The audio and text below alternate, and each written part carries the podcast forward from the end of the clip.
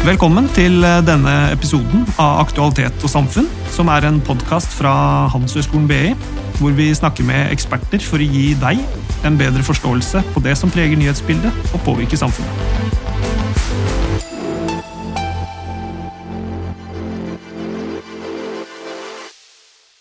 AI, eller kunstig intelligens, har forandret måten vi lever på, jobber og samhandler med teknologi. Dette har blitt en integrert del av våre liv, fra personlige assistenter på smarttelefonene våre til komplekse systemer som styrer biler på egen hånd, og til og med revolusjonerer medisinsk diagnostikk og forskning. Spesielt det siste året har vi sett en eksplosiv vekst i bruk av AI, fra tekstgeneratorer til stemmekloning og bildegeneratorer. AI er også det vi skal snakke om i dagens podkastepisode, og for å gi oss innsikt om dette, har jeg vært så heldig å få to kjente fjes fra BI. Det er eh, førsteamanuensis Vegard Kolbjørnsrud fra Institutt for strategi og entreprenørskap, og dosent Tor Bang fra Institutt for kommunikasjon og kultur. Jeg heter Henrik Stølen og kommer fra kommunikasjonsavdelingen på BI. Velkommen i studio. Takk. Takk skal du ha. Eh, vi starter med deg, Vegard. Du, du, holder jo foredrag og underviser eh, på BI Executive om AI. Hva er det grunnleggende man bør vite om eh, kunstig intelligens? Kan ikke du dra oss litt sånn overordna gjennom historien? Ja, Begynner vi vel i Edens hage, da? Nei, Nei men for det første, Kunstig intelligens brukes jo nå veldig bredt, og det fylles med mye forskjellig innhold. Men den definisjonen som vi ofte bruker, er at da snakker vi om teknologi som kan sanse, forstå, handle og lære, og dermed oppføre seg intelligent i komplekse omgivelser. Ehm, så Det betyr at den kan fange data fra omgivelsene, at den kan se mønster i de dataene, kan omføre Eh, sette det i en eller annen form for handling. Alt fra at det er varsel om at noe er eh, liksom, dette bør du sjekke ut, til at du har, som du nevner i introduksjonen, selvkjørende biler og aksjehandelsroboter. Og alt det imellom hvor vi kan ha få støtte eller hjelp eller råd av teknologien. Um, og så en måte å dele det opp på er jo Nå er det jo kjempefokus på ChatGPT, og, og det er liksom det AI er for tiden, eller KI. Ehm, det er jo det vi kaller for generativ AI, dvs. Si at den ved noen input fra oss, vi kaller det gjerne en prompt, ehm, så, så, så, lager det noe for oss. I ChatGPT så er det jo eh, tekst eller eh, datakode. Eh, men du finner generativt design, så du kan bruke det i eh, skal vi si, mer sånn arkitektur og ingeniør- og produktdesign-øyemed.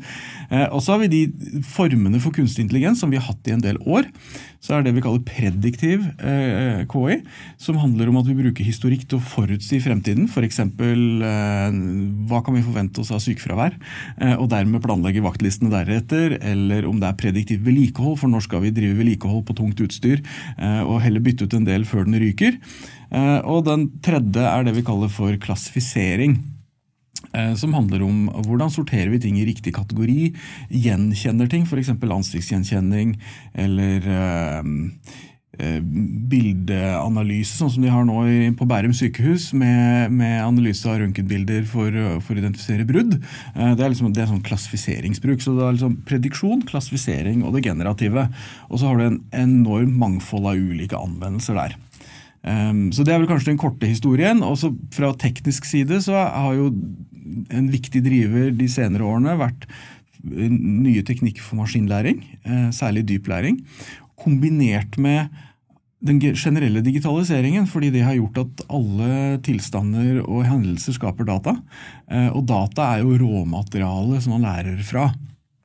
Um, så, og, og, da fremveksten også av kraftigere datamaskiner, og særlig sånne skytjenester. Som gjør at du liksom får datakraft, data, algoritmer, og kombinasjonen av det gjør at vi kan få til ting vi ikke kunne for noen få år siden. Um, Tor, mm. Du eh, underviser bl.a. i eh, digital kommunikasjon. og Du gjorde tidligere i år et, eh, spennende oppgave rundt AI. Og dette med å utvikle studentenes bevissthet i møte med digitale utfordringer. Ja. Fortell litt om det eksperimentet. Ja, det var noe Det var vårsemester i 2023. og Det var snart et år siden det begynte. og da da hadde jeg veldig liten innsikt i dette her, men jeg tenkte at vi kan ikke ikke bruke det når det fins og det ligger til rette for det. Så, og studentene må jo få med seg dette ut, noe av det i hvert fall. Eh, så jeg ga en tredelt eksamensoppgave i februar, mars og eh, slutteksamen i mai. Og den første var å gikk ut på at de skulle skrive et notat til ledelsen i en fiktiv organisasjon, eller en organisasjon de kjente til, og komme med en anbefaling om hvorvidt denne organisasjonen skulle ta bruk i bruk AI eller ikke. var organisasjonen. Og Da kunne de velge fritt sjøl. Mange valgte helsevesen, eh, som Vegard er inne på, eh, finans, eh, markedsføring etc. Altså sektorer, samfunnssektorer og bransjer som de kjente godt til. Og Så leverte de den og fikk tilbakemelding, og neste oppgave var identisk, men da skulle de kjøre spørsmålet gjennom chat GPT. ja. Uh, og så skulle de sammenligne sin egen tekst mot den datagenererte teksten. Uh, og, og det syns nok mange var ganske interessant. Uh, for jeg ba dem identifisere fem punkter i tekstene der de skulle lage en analyse hva, hva de syntes som egen tekst i lys av den maskingenererte teksten, og motsatt. Og så skulle de skrive en sluttevaluering, og den gikk ut på å gi en anbefaling, nærmest, altså fortsette en anbefaling på basis av den nye kunnskapen, innsikten de hadde. Eh, og det var interessant, fordi de, mente nok at, de fleste mente nok at den egne teksten eh, var varmere, mer emosjonell, eh, eh mer tilpassa eh, menneskelig miljø. Eh, mens den genererte teksten var mer kald, veldig sånn logosinspirert, veldig, eh, veldig to the fact og faktuell. Eh, mens den, mens den eh, egne teksten da som sagt var, var mer emosjonell. Og så fikk de også en oppgave til slutt å prøve å fange opp noe av diskursen, eh, AI-diskursen. Er det pessimisme ute der? Er det optimisme? På mange måter så var dette et møte med uh, den uh, Det første møtet jeg hadde med, med, med Internett for 20-25 år siden. Og jeg nevnte før vi kom i studio her at, at mitt aha-øyeblikk som databruker, hvis man kan bruke det begrepet, hvis det er mulig å bruke det ennå, var for veldig mange år siden da jeg lærte meg et program som het Lotus 123, som var forløperen for Excel. Så jeg tenkte er det virkelig mulig å få en celle til å kalkulere? Ja. Og, og, og, og, det er det. Eh, og jeg tenkte at, at, at, nå står vi på terskelen til noe veldig stort her. Ja, ja. Og studentene så ut til å omfavne det. De, de, eh, de syntes det var veldig interessant. Ja. Mm. Eh, hva syns eh, dere som sensorer? da? Hvem, hvem, leverte best? Var det da AI, eller var det studentene? Mm, for det meste så måtte jeg gi studentene rett. at de, altså Selvskryt skal man jo ta på alvor, for det kommer fra hjertet. ikke sant? Men det var nok en forskjell, at den var mer emosjonell tilpassa i hvert fall en, en organisasjon som, som ser sine ansatte.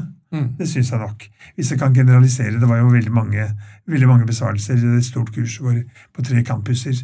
Um, men det var første veldig enkle versjon av ChatGPT som kom da på markedet i november-desember i fjor. Kan det stemme? Ja. 30. november, tror jeg det var. 30. November, eller 31. Ja, ja. Et eller annet Så det var kjempenytt, ja. Det var det. Det er vel bare 30 dager i november som var 30. Det var det ikke det. Ja, ja. Datoen er eh, brent inn på minnet. Det er jo Altså med, med, høy aktivitet og, og stor, altså mye bruk av AI, så, så, er det jo også en del utfordringer som kommer, altså også for eh, utdanningsinstitusjoner eh, som BI. Eh, dette er jo selvfølgelig et stort spørsmål, men hva ser dere på som de største utfordringene her? Altså, Jeg kan begynne med deg, Vegard. Ja, Da har vi tatt to svære greier. evnen til å tenke sjæl Eh, og, og, hva er sant? Ikke sant? eh, for, for uh, skriving er jo en av de aktivitetene som får oss til å tenke, og som gjør at vi må tenke gjennom systematisk. Og, når vi da skal formulere det, så skjønner vi jo om det, ofte om det henger i hop eller ikke. I hvert fall det hjelper oss i den prosessen med å tenke og liksom se sammenhenger. Så det er klart Hvis du automatiserer veldig mye av skriveprosessen, og folk liksom abdiserer litt fra den, så, så er, jeg, er, jeg, på sikt litt redd for liksom evnen til å tenke sjøl. Ehm, det er derfor man eh, liksom, eh, i flytrafikken så har vi hatt autopilot i mange tiår. Eh, og der har de lagt inn mekanismer for å vekke pilotene. For å sørge for at de fortsatt er med, sånn at de ikke liksom tar over helt. Så vi må finne måter å gjøre det på. Jeg tenker jo at det er kjemperessurs i dette, så liksom, det skal vi omfavne. Men, men vi, skal, vi, skal, tenke litt på det. Det er relatert til det andre poenget også. Um, for, for um, um, for vi har jo nå vært gjennom en bølge de siste årene knyttet til dette her med falske nyheter osv. Og, så og det handler jo om at internett allment, og særlig eh, sosiale medier, har gjort kostnaden ved å spre sannhet og løgn, uansett hva det er, eh, eh, noe i nærheten av null. Eh, nå får vi jo kostnaden av å skrive Eh, eh, falske ting er jo også noe i nærheten av null. Eh, så, så, det å da finne ut hvor mye ting kan drøvtygges, og hvor fort de kan reproduseres og omskrives osv., gjør at eh, vi må ha noen mekanismer for, uh, for å liksom, Hva er sant, og hva er troverdig? Eh, og, og, de henger jo litt sammen, da. Ikke sant? Hva er sant, eh, og, og, og, det å tenke sjøl. Men det tenker jeg jo at um, det er samfunnsutfordringer, og der tenker jeg jo at utdanningssektoren har et særlig ansvar. da. For er det ett sted vi må forvente at folk får trening i å tenke sjøl, eh, og til å finne ut eh, hva er troverdig og hva er ikke troverdig, og vurdere kilder, så er det hos oss jeg tenker at samfunnsoppdraget vårt er kanskje enda viktigere enn noen gang. Ehm, eh, men det er ikke da bare en ren akademisk øvelse, det er noe som egentlig angår liksom, livene våre, rett og slett. Mm. Tor, enig? Jeg er helt enig der. Vi har jo hatt noen møter om dette og snakket sammen, og, og, og det er en stor grad av enighet, tror jeg, i hele institusjonen vår at, at eh, det er enda viktigere enn noen gang å trene opp studentenes evne til kritisk tenkning. Hva er sant og hva er ikke sant? Og, og sannhet er jo noe vi har strevd med i 2500 år, siden Aristoteles, som prøvde seg på en på en uh, definisjon av hva er sannhet, og så har filosofer da uh, vært litt frem og tilbake at sannheten er relativ, sannheten er uh, subjektiv etc. men det er nå engang en sannhet som er objektiv. En objektiv um, iakttar En sannhet som kan iaktta og verifisere. Og vi er nødt til å trene opp studentene våre til å søke sannhet og søke og trene opp den evnen til kritisk tenkning Eh, som er veldig vesentlig. fordi det er jo her som andre steder, på internett også, generell internett, det er crap in og crap out. Mm. altså du, Hvis du søker dårlige kilder, så får du jo dårlig svar. Mm. altså det, det, er jo ikke ja. um, men, men, det er nok veldig vesentlig, jeg tror det faktisk, at det er mer enn noe annet. Ja. Mm. Det er jo, Hvis jeg kan legge til noe der, da, for det kom ut en, eh, en ny studie, foreløpig bare som en sånn working paper, mm. um, fra en del kjente forskere i, i, statene som hadde gjort en studie sammen med et av de store internasjonale konsulentselskapene, hvor de hadde testet ut, og eksperimentelt, da, bruk av ChatGPT til ulike typer konsulent- og analyseoppgaver. Uh, og så at eh, alle hadde nytte nytte av bruken, eh, både kvalitets- og kvantitets- eller produktivitetsmessig. Men det gjaldt særlig den lavere halvdelen. Eh, altså, De aller flinkeste hadde litt mindre gevinst av det, for de klarte mer på egen hånd. Eh, det gjaldt særlig de liksom middels vanskelige oppgavene. De vanskeligste og mest komplekse oppgavene, der kom på en måte gevinsten igjen av å ha de smarteste folka. på en måte. Ja. Og Her begynner vi å ane noen sånne mønstre. fordi at eh, vi må jo nå forvente at alle studenter har tilgang til den type verktøy og bruker det. Vi skal sette noen krav til hvordan man bruker det, og hvordan man refererer og validerer og de tingene der. Eh, ref det vi snakka om. Eh, men vi må men det betyr også at vår forventning for liksom, hva, hva, er det som er, hva er det som er godt nok, da, den øker jo. Eh, fordi at vi forventer jo at folk kan skrive ordentlig språk når alle har sin egen språkvasker tilgjengelig. Det må vi jo bare forvente. Det at folk kan ha på en måte fått med seg noen av de viktigste punktene, det må vi nå kunne forvente, for det er mye lettere for folk å få til. Men det å ha argumentert godt, det å ha kritisk refleksjon, det å anvende noe på en konkret setting, på en relevant og skal vi si, innsiktsfull måte. Eh, det er fortsatt liksom mye av differensiatoren her. Eh, men den linjen mellom hva teknologien kan, og hva den egner seg til, og hva den ikke egner seg til, eh, den flyttes jo hele tiden, så det må også vår forventning gjøre. Mm. Altså, vi, vi, får jo en del spørsmål fra studenter, og også medier for så vidt, som, som lurer på, som er ofte knytta mot fusk mm. um, på eksamen og innleveringer. Um, og da spesielt ved bruk av chat, GPT, ja. sånn som dere snakker om. Men um, nå er du litt inne på det, men, men, hva er på en måte problemet med å bruke denne type altså mekanismer i akademia og akademiske tekster? da? Altså Hvis du la oss si, har en terminoppgave, da, for å ta det som liksom eksamensform, eh, så er det jo ikke forbudt å spørre en venn om råd. Eh, men det er forbudt å, få vennen din til å skrive oppgaven for deg. Og Det er litt sånn jeg nærmer meg ChatGPT også. Jeg ser på det som et, et, hjelpemiddel, og det er ikke forbudt å bruke et hjelpemiddel. og Jeg vil nesten forvente å oppmuntre til det. Eh, men, men en sånn ren kopiering av tekst, da snakker vi plagiering. Det er jo litt vrient å identifisere, men vi ser jo noen mønstre. Eh, eh, og da er det jo særlig når det er litt dårlig brukt at det skinner igjennom. For da henger det ikke helt i hop, og det, ting kommer på listeform på akkurat samme måte. Ja. Og det er en serie med lister som går igjennom osv. Og, så videre, og, eh, og det mangler på en måte en kritisk refleksjon. Da. Så, så jeg tenker at det er ikke et ett enkelt svar på det. Jeg syns studentene bør bruke det som en sparringspartner og som en kilde til innsikt og ideer. Eh, og så må de være klar over svakhetene ved systemet, for vi forventer jo da eh, at de kan eh, underbygge de påstandene de har med relevant litteratur og forskning og den type ting. Og det er foreløpig de systemene fortsatt litt for dårlige på. Mm. Det blir vel litt sånn som du sa med denne artikkelen som var skrevet av disse amerikanske forskerne, at de, de gode mm. konsulentene de tar dette på strak arm. Eh, og det, det, kan vel kanskje overføre til vår bransje, Vegard, at, eh, at, de svakere studentene tror at nå skal de seile gjennom. Kanskje en del av det faller for fristelsen til å, til å kopiere en tekst fra ChatGTP, men vi har jo nødvendigvis da et større arbeid foran oss som sensorer for å sjekke kilder, at det sitter, at det, og den kritiske refleksjonen, som du sa. Altså, hva er det egne bidraget? Det er jo fremdeles det vi skal søke mm. og finne. Uh, har studentene et selvstendighet og kritisk distanse til det de skriver om?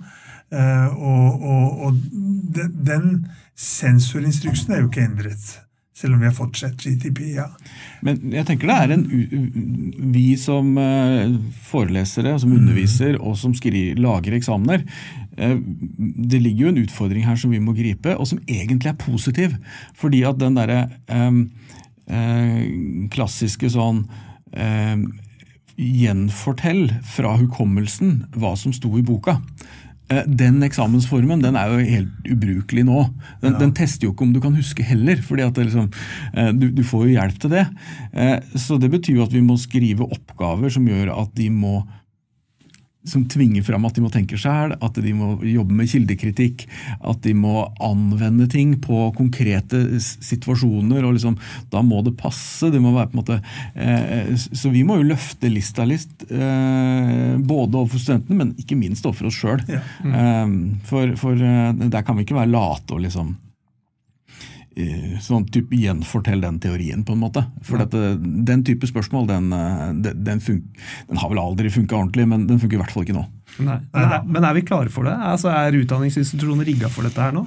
Vet du, Jeg tror det så, så godt som vi kan være rigga. Altså, det er jo, eh, um, vi, vi, har fått noen retningslinjer for hva studentene kan bruke det til, som jeg syns var ganske for å bruke et uh, forslitt uttrykk, fremoverlent. Uh, de kan bruke det til idémyldring, idédrodling, og de kan sjekke uh, språket sitt. De kan søke informasjon, men de kan ikke kopiere hele tekster fra det. Så jeg syns dette var helt ålreit, det vi fikk. Og vi har et godt samarbeid mellom Universitetet i Oslo og BI eh, på dette der. Vi har fått en, en, um, en versjon av ChatGTP som tar hensyn til personvern, bl.a. til GDPR, som vi, vi, kjører veldig hardt på. Um, så vi er nok rusta så godt vi kan, men det er klart at, at, at utviklingen, den teknologiske utviklingen går jo veldig raskt. Så vi må jo følge med i timen der. Vi kan ikke hoppe Vi er nødt til å, nødt til å holde et våkent øye med dette her. Mm. Ja, og jeg tenker, jeg, jeg følger Tor på, på, det. Samtidig så er det litt sånn en variant av speiderløftet. liksom, Alltid beredt, aldri forberedt. Altså, jeg mener, vi, vi, kan ikke være ordentlig forberedt på dette, fordi det går så fort. Og, ja. og, og skal vi si, disse tingene skapes og utvikles mens vi ser på. Mm. Og Vi kan ikke nærme oss det rent analytisk også, for det handler om kreativitet og nye anvendelser og, og ting vi liksom ikke kanskje har sett før. Eh, så, så, det betyr jo bare at vi må følge med. Eh, og og tilpasse oss også. Og så tenker jeg at eh, det grunnleggende oppdraget til en institusjon som vår, da, det har jo blitt enda viktigere. Mm. Eh, nettopp det å kunne validere at noe er sant, eller i hvert fall troverdig. At fakta stemmer, ikke sant? eller på en måte om metoden er troverdig osv. Og, og og det med kritisk refleksjon. Eh, og hvis det er eh, kritisk suksessfaktorer framover mm. for våre studenter og for alle andre folk, så tenker jeg jo at eh, da er ikke i hvert fall vårt samfunnsoppdrag noe mindre relevant, selv om vi må tilpasse oss virkemidlene. Det er mm. klart. Jeg tror kanskje den overfladiske læringen mm. kan vi ikke ha fremdeles, kanskje i enda større grad. fordi eh, vi må jo også sørge for den dype læringen, det at folk får innsikt i i teorier og, og den forskningen som finnes på feltet, og anvendbarheten av det de lærer. Eh, og den, den får vi egentlig aldri målt på en, en, vanlig skoleeksamen eller på en sånn termineksamen. Eh, altså, dette er en godtebutikk av informasjon som er lett å plukke fra, men vi må jo sette den sammen, systematisere den og sørge for at studentene lærer på en god måte, uansett den tilgangen vi har eller ikke har på god informasjon, på gode kilder. Ja. Mm. Mm. Mm. For en uh, ukes tid siden så, så foregikk det en uh, stor uh, internasjonal konferanse om AI-sikkerhet i London, der den britiske statsministeren Rishi Sunak han gjorde et intervju med Elon Musk, som vi kjenner litt til. Eh, der Musk eh, advarer om at eh, man kommer til et punkt hvor det ikke er bruk for jobben lenger. Altså han, han er på en måte ytterpunktet her og, og, mener at kunstig intelligens kommer til å ta over det meste. Da. Jobben blir bare mer et sted for å komme seg ut og møte folk. Burde man være redde for jobbene sine i fremtiden? Mm, vel eh, altså, Folk har jo alltid vært redde for jobbene sine. og Industriell revolusjon tok jo knekken på spinnemaskiner, vevemaskiner. ja. Um, og all teknologisk utvikling har vel også blitt møtt med varierende styrker av det vi kaller moralsk panikk. Hvordan skal dette gå når vi får dette? Og spesielt gjelder når det er digital teknologi, medieteknologi. Ehm, så har det alltid vært en usikkerhet knyttet til ny teknologi. Eh, og sånn er det nok. Og den usikkerheten sitter nok ganske dypt hos mennesker, for vi identifiserer oss jo i stor grad med jobben vår. Ehm, eh, Elon Musk spissformulerer seg jo ofte og gjerne. og Eh, det er mulig han har noen poenger. At, at, jeg tror arbeidslivet kommer til å bli forandret med dette. Det tror jeg nok. Eh, men at jobbene forsvinner, det tror jeg ikke. Jeg tror ikke noen kommer til å tilby seg å bære ut søpla mi, f.eks., eller ta oppvasken, eller eh, Men jeg tror vi kan anvende dette fantastiske verktøyet på, en, på gode måter for menneskeheten. Og tilbake, tilbake til det vi begynte med å snakke om her, f.eks.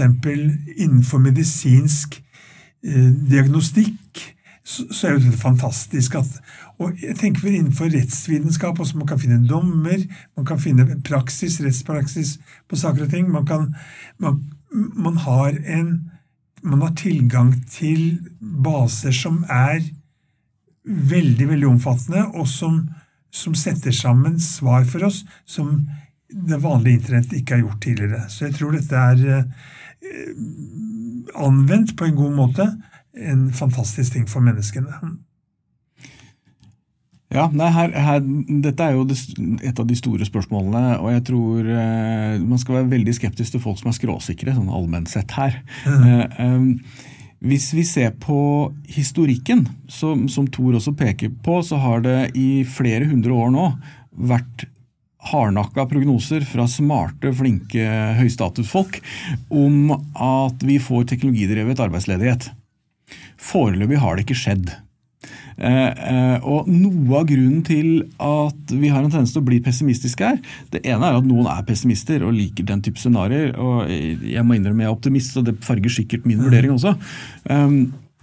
Um, men, men, hvis vi ser på en fersk analyse da, av historiske tall, så ser man at 60% av alle jobber eh, uh, i USA i dag, de fantes ikke for, uh, i 1940.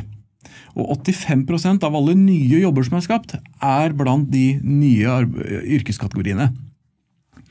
Så kan vi tenke oss tilbake eh, Hvor mange av de jobbene kunne man forestille seg i 1940?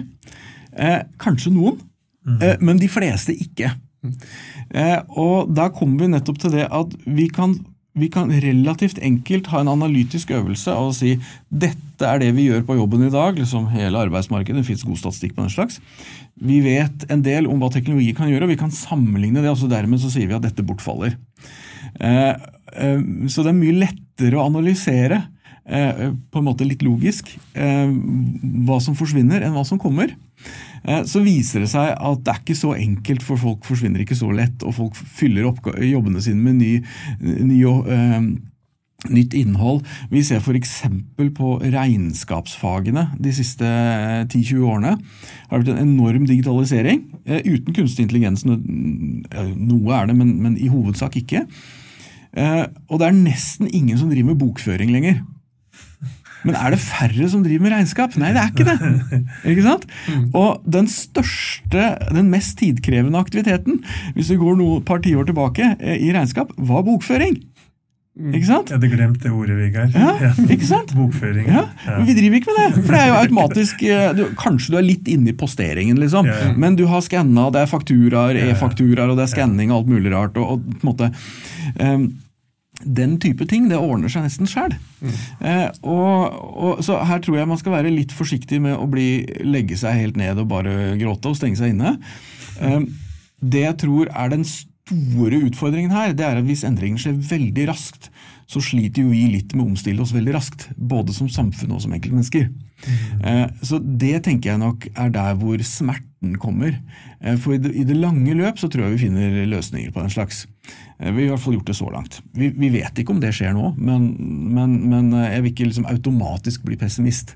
Eh, men, men, raske, store endringer, som liksom omveltning på store deler av arbeidslivet, det kan jo være krevende. og Derfor så tror jeg det er viktig at folk omfavner dette nå, både som individer, som gjør at man tar i bruk disse tingene, at man lærer seg å se hvordan man kan skape verdi i den sammenhengen. og og at vi som organisasjoner bruker ressurser på å trene opp folka våre og omskolere dem. Eh, fordi eh, det kommer ikke til å være nok av de nye digitale hodene hvis du skulle ansette alt nytt. Du, du må på en måte kombinere det med, med, de folka du allerede har. Og de har innsikt som fortsatt er verdifull. Så det er et litt sånn blanda bilde, tenker jeg, men, men det er nok ikke dommedag helt ennå. I hvert fall ikke før ut i neste år engang. Nei. For en del år siden fikk Josef Rothblatt, polskfødt fysiker, mm fikk Nobelprisen, eh, fredsprisen. Ja. Um, han hadde vært med i Manhattan-prosjektet til Oppenheimer annet, og, og, han var jo veldig bekymret for menneskenes fremtid fordi vi har atombomben. Og han sa noe som jeg husker som en god setning. sa, We cannot uninvent it. Teknologien finnes her. Vi kan ikke gå tilbake til den tiden før vi den, hadde den teknologien. Vi er nødt til å lære oss å leve med den. Den kommer til å, være, kommer til å følge oss alltid. Vi er nødt til å finne metoder for å anvende den på en klok måte. Og det er opp til menneskene. Det er ikke opp til maskinene, tror jeg. Og Da er det bedre at vi hiver oss på og ser hvordan er det vi kan bruke for gode ting, og hvordan kan vi regulere det fornuftig, istedenfor å stikke hodet i sanda. For da vil noen andre, og kanskje med helt andre hensikter, gjøre det for oss, og da må vi leve med de konsekvensene isteden. Uh, så jeg tror vi har alt å tjene på å være framoverlent og gripe dette med begge hendene, for da har vi faktisk i hvert fall én hånd på rattet. Mm. Um, dere underviser jo begge om eh, AI, og bruker det også i undervisning. Um, og Apropos det å ha, ha hendene på rattet. Uh, altså Dere kommer jo sikkert over en del gode eksempler der um, for studenter eller andre hvor AI har vært til stor hjelp, og kanskje også motsatt. Har dere noen uh, gode eksempler som det er verdt å nevne her, uten, uten å gå bryte noe GDPR? Ja, vet du at jeg har et veldig ferskt eksempel fra i går kveld. For da, da hadde jeg en ny klasse studenter som skulle forsøke å formulere et problemområde, sirklende problemområde, og lage seg et forskningsprosjekt til eksekutiv masteroppgave. Og, og de syns de fikk veldig god hjelp fra GDPR. Taste inn noen enkle spørsmål, og så kom de da på ei fjøl, for å si det sånn, tre-fire-fem forslag til hva de kunne skrive om. Det, det, gjaldt ikke alle, men det gjaldt mange. Eh, så det er liksom prosjektet denne uka her. Vi skal følge dem opp med med, med, med, å gi dem nye drypp av hva de kan søke på. Eh, og der, der var det nok en soloppgang, merka jeg i auditoriet. Selv om klokka var fire-halv fem, så, så, gikk sola opp. Så det, det, var, det var, stas å se, faktisk. ja. Ja, jeg, jeg, er jo mye på disse såkalte executive-programmene, så det er eh, etter- og videreutdanning og en del sånn lederprogrammer og sånt. Uh, og, og, eh, jeg pusher jo på for at ledere skal gripe disse tingene. For jeg tenker, hvem gjør jobben i organisasjoner? Det er folk og teknologi. Og hva må vi som ledere kunne i tillegg til faget vårt? Jo, vi må kunne folk og teknologi. Uh, så vi liksom kjører på det. Og Da kommer det opp et par eksempler. for Når jeg spør deg, hva har dere, ja, jeg oppmuntrer jo til å eksperimentere. da. Um, og, liksom, og dele erfaring. Hva har skjedd, og hva har vært vanskelig, og hva har du brukt det til? og sånt. Og Da kommer det opp én har brukt det til å hjelpe seg til å skrive en god jobbsøknad, uh, og vedkommende har en direktørstilling i dag. Mm. Basert på den søknaden. Uh, et annet tilfelle som, som tar fram et paradoks. For vi har jo en forventning på en måte om at uh, bruk av teknologi skal gjøre oss mindre menneskelige og liksom skal være sånn fremmedgjørende. Og Så forteller vedkommende da at en eh, Jeg får prøve å si det her i generelle vendinger. Eh, det er en leder i virksomheten da, eh, som er faglig kjempeflink, men som har problematiske måter å kommunisere på som skaper mye frustrasjon i organisasjonen. Vedkommende har tydeligvis skjønt at dette er et problem, men slitt med å gjøre noe med det. Men har nå begynt å bruke ChatGPT eh, til å skrive e-postene sine, og alle er mer fornøyd. Ting går mye bedre. Eh, og vedkommende er mer empatisk og kommuniserer på måter som ikke liksom får opp piggene på alle rundt seg. I hvert fall skriftlig. Eh, og jeg syns det er et sånn interessant lite paradoks. da, At brukt rett så kan vi faktisk potensielt bli bedre mennesker, i hvert fall bedre medarbeidere og bedre ledere. Eh, og det tenker jeg kan kanskje være noe å ta med seg ut her. Mm. Er veldig bra. Um, litt sånn avslutningsvis, altså til de som kanskje er skeptiske uh, til AI, eller ikke helt vet hvordan man skal bruke dette. Um, har dere noen gode tips til, til, hvordan man kan, eller kanskje burde dra nytte av den teknologien?